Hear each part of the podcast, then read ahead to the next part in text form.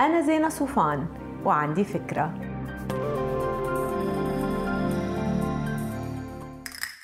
هاي مرة فكرت لما موظف الاستقبال اللي بيعرفني كتير منيح بالشغل ما قبل يفتح لي الباب يلي فتت منه بحضوره قبل بنهار بحجة إنه التعليمات بتقول إنه لازم يشوف بطاقتي الوظيفية. هلأ البطاقة كانت معي بس كنت حاملة شنط وغراض ولابتوب وتياب للتصوير فملبكة بالشيلة فقلت له ليه لازم تشوف البطاقة؟ قال لي لأتأكد إنه ما حدا غريب رح يفوت على المؤسسة.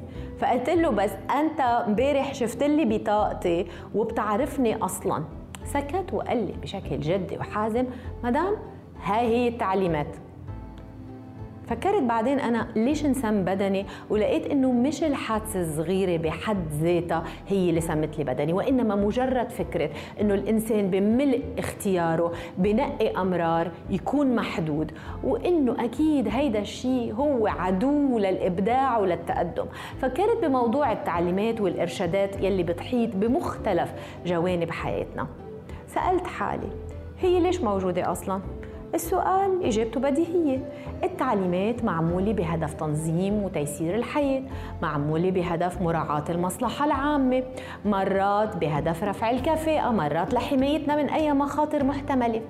سألت طيب يا ترى إذا في تعليمات بالشغل إنه نعمل ألف باء تاء لحتى نوفر الوقت وأنا اكتشفت إنه إذا بعمل ألف سين بوفر وقت كتير أكتر يعني بحقق الهدف. هل من العدل إنه اجازه طيب ولو أنا عملت هاي الطريقة وأثني علي بالمقابل مش هيدا ممكن يقود الآخرين لأنهم يبتكروا بدورهم ويحسنوا النظام؟ بالنتيجة التعليمات مش قوانين نهائية وأي بيئة محفزة للإبداع لازم تكون واعية لمخاطر إنه جمهورها يأجر عقله ويتحول لآلات بتنفذه بس. أنا رأيي إنه إذا نحن موقعنا بخلينا بموقع الواضع للنظم هاي لازم نفهم إنها مش منظومات جامدة وإنما متغيرة وقابلة للتطور. وإذا كنا نحن على الجانب الآخر لازم ما نخاف إنه نشغل عقلنا ونكون جزء من عملية التطوير. ما تنسوا تعملوا download للفكرة تعطوها rating وتساعدوني بنشرها Bye.